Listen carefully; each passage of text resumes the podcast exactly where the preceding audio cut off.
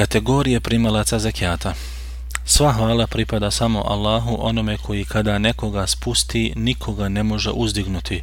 Onome koji kada nekoga uzdigne, nikoga ne može poniziti i spustiti. Ono što on da, to niko ne može spriječiti i zabraniti. Kada on nešto zabrani, niko to ne može dati. Nema onoga koji može presjeći ono što on uspostavi, niti ima nekoga da može nešto uspostaviti kada on prekine. Neka je slavljen onaj koji sve skladno uređuje, uzvišeni Allah, mudri i milostivi. Njegovom mudrošću dolazi tegoba koja opet s njegovom milošću postaje korist i dobrota. Hvalim ga spominjući sva njegova dijela, i zahvaljujem mu se na njegovim nebrojenim blagodatima. Svjedočim da nema drugog istinskog Boga pored Allaha jedinog. On nema sudruga.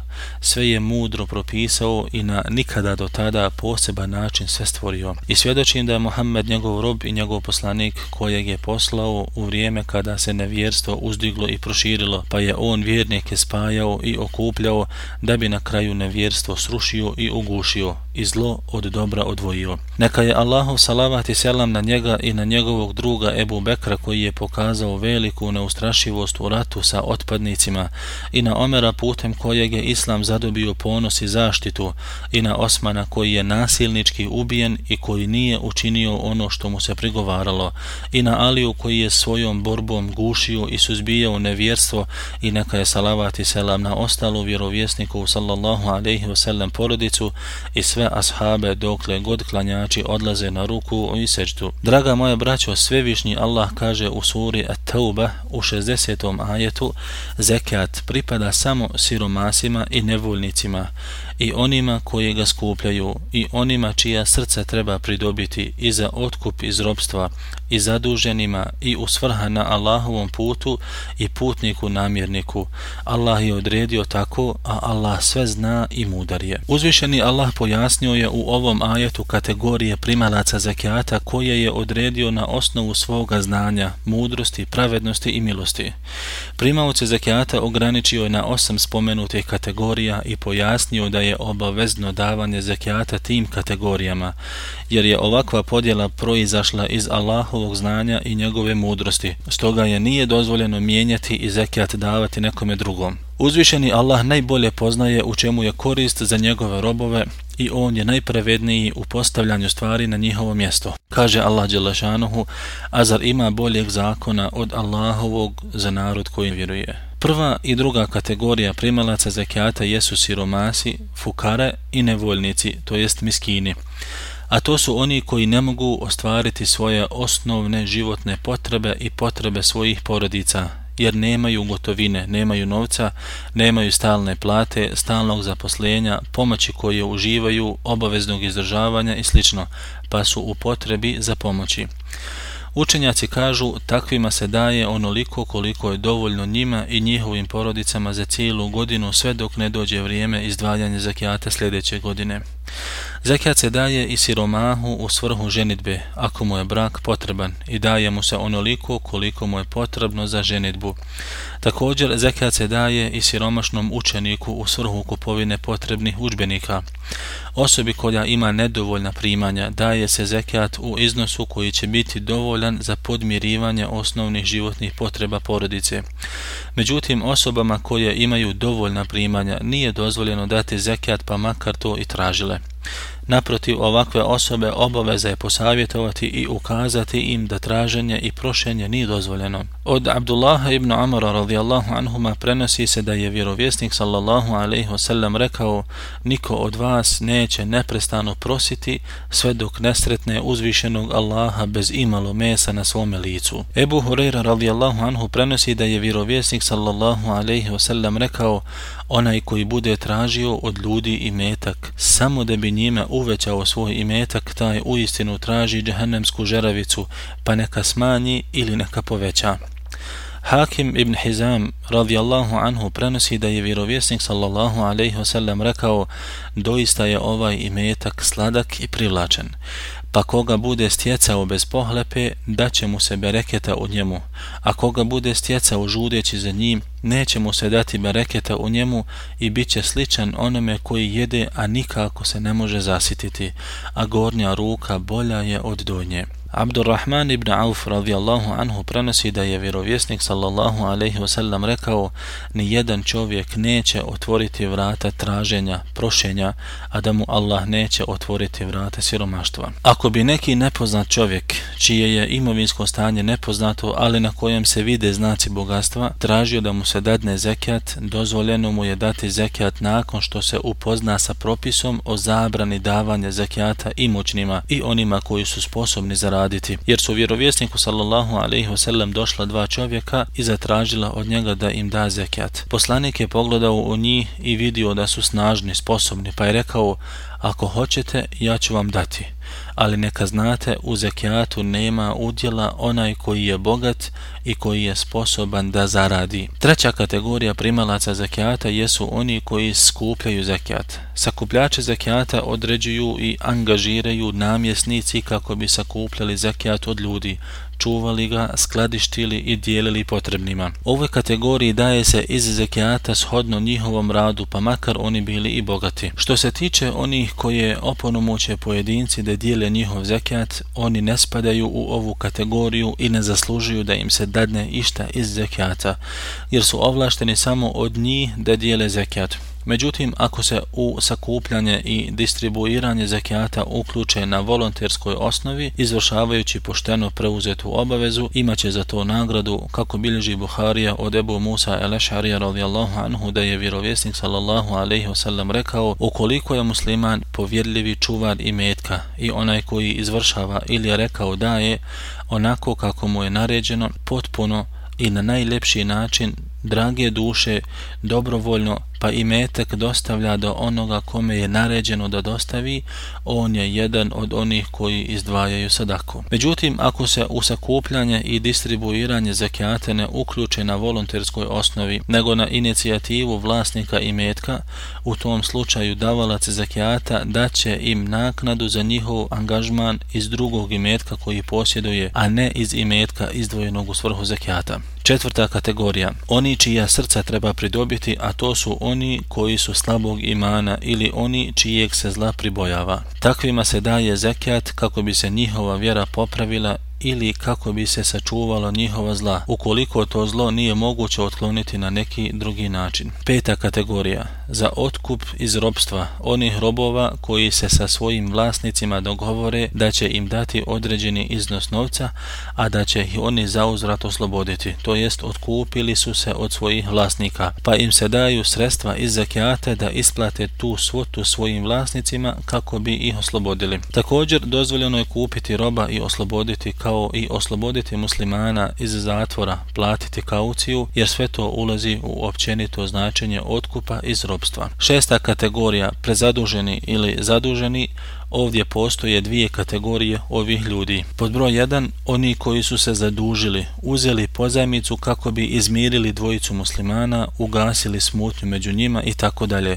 Takvima se daje iz zekijata onoliko koliko iznosi njihov dug, postičući ih i bodreći na to dobro dijelo koje čine, dakle izmjerenje muslimana, gašenje smutnji, mržnje i odbojnosti među njima. Od Kabise el Hilalija radijallahu anhu prenosi se da je rekao zadužio sam se pa sam otišao do vjerovjesnika sallallahu alaihi wasallam da mi pomogne oko vraćanja pozemice. Vjerovjesnik sallallahu alaihi wasallam rekao mi je sačekaj dok nam ne dođe kakva sadaka, pa kada dođe naredit ću da se tebi datne. Zatim je rekao doista traženje nije dozvoljeno osim jednom od trojice.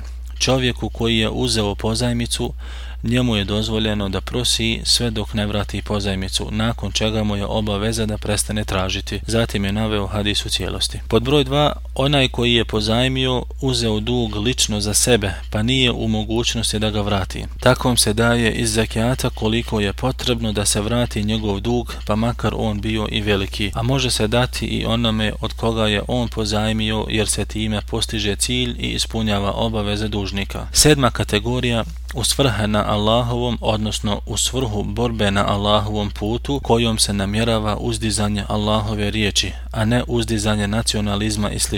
Zbog ove namjere, borcu se daje iz zekijata koliko mu je potrebno za njegovu borbu ili se od zekijata kupuje oružje, oprema i ostalo što je potrebno borcima na Allahovom putu kako bi branili islam i uzdizali Allahovu riječ. Osma kategorija, putnik namjernik, to jest putnik koji ne može nastaviti putovanje zbog nestanka novca, sredstava. Njemu se daje iz zekijata koliko je potrebno da stigne do svoje kuće, pa makar bio i bogat, imao novaca kod kuće i imao od koga pozajmiti. Međutim, takvome nije dozvoljeno da krene na put s malom poputnicom, malo novčanih sredstava, i to s namjerom da traži da mu se dadne iz zekijata kada ostane bez svojih sredstava za putovanje, jer je to samo dosjetka, to je prevara da bi došao do onoga što mu zapravo ne pripada.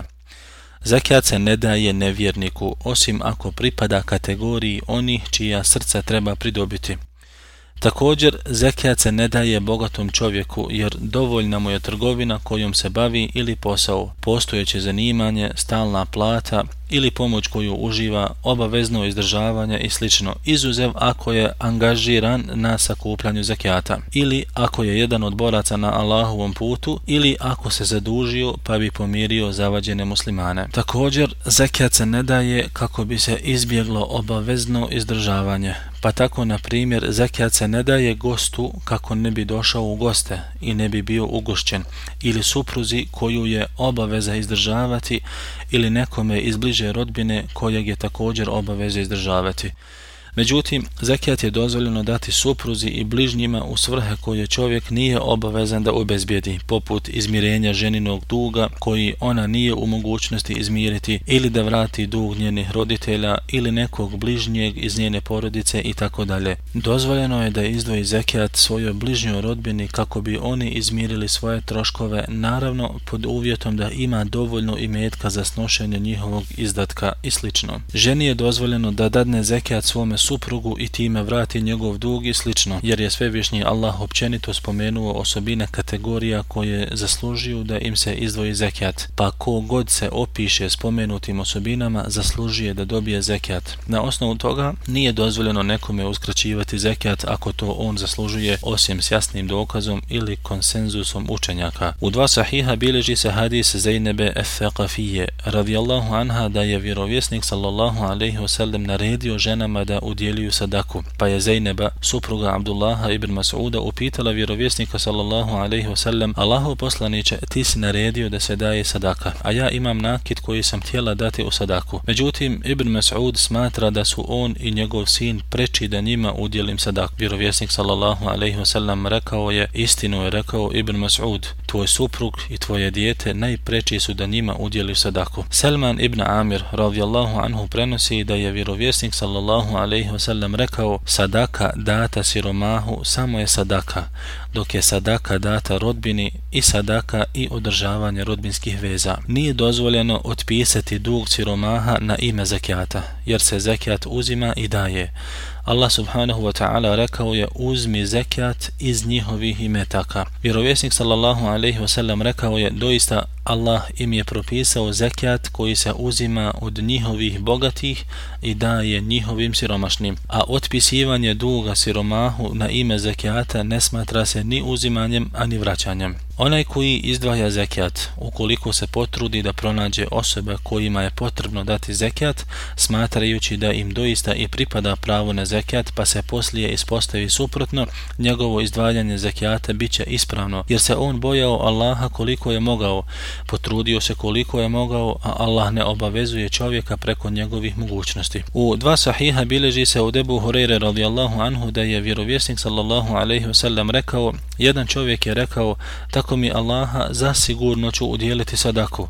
Tada je vjerovjesnik sallallahu alaihi wasallam citirao hadis i u njemu spomenuo da je čovjek svoju sadaku neznajući dao bogatom čovjeku, pa su ljudi osvanuli prepričavajući kako je bogatome udjeljen imetak. Ovaj čovjek je rekao, Allahu pripada svaka hvala na svakom stanju, pa makar i imetak dobio i bogati čovjek. Rečeno mu je u snu, što se tiče bogataša, nadati se da uzme pouku pa da i on udjeljuje iz imetka koji mu je Allah podario gospodario. U muslimovom predanju stoji dodatak, a što se tiče tvoje sadake, ona je primljena. Od Ma'na ibn Jezida radijallahu anhu prenosi se da je rekao, moj otac je u svrhu sadake izdvojio određeni broj dinara i ostavio ih u mesčidu pored jednog čovjeka, a ja sam došao, uzeo ih i došao mu s njima, pa mi je rekao, tako mi Allaha ja nisam namjeravao da ih dam tebi. Poželio sam se vjerovjesniku sallallahu alaihi ve sellem pa je rekao, jezide, tebi pripada ono što si namjeravao, a tebi, o ma'ne, pripada ono što si uzeo. Draga moja braćo, u istinu izdvajanje zekijata nije ispravno i neće biti primljeno sve dok se ne izdvoji i distribuira kategorijama određenim od strane svevišnjeg Allaha. Pa Allah vam se smilovao, potrudite se da vaš zekijat dospije do osoba koje ga i zaslužuju kako biste ispunili svoju obavezu, očistili svoje imetke i sproveli narodbu svoga gospodina gospodara i kako bi vaš zekijat bio primljen, a Allah je taj koji podršku daje. Neka je svaka hvala samo Allahu gospodaru svih svjetova, neka je Allahu salavat i selam na našeg vjerovjesnika Muhammeda, njegovu porodicu i sve ashabe.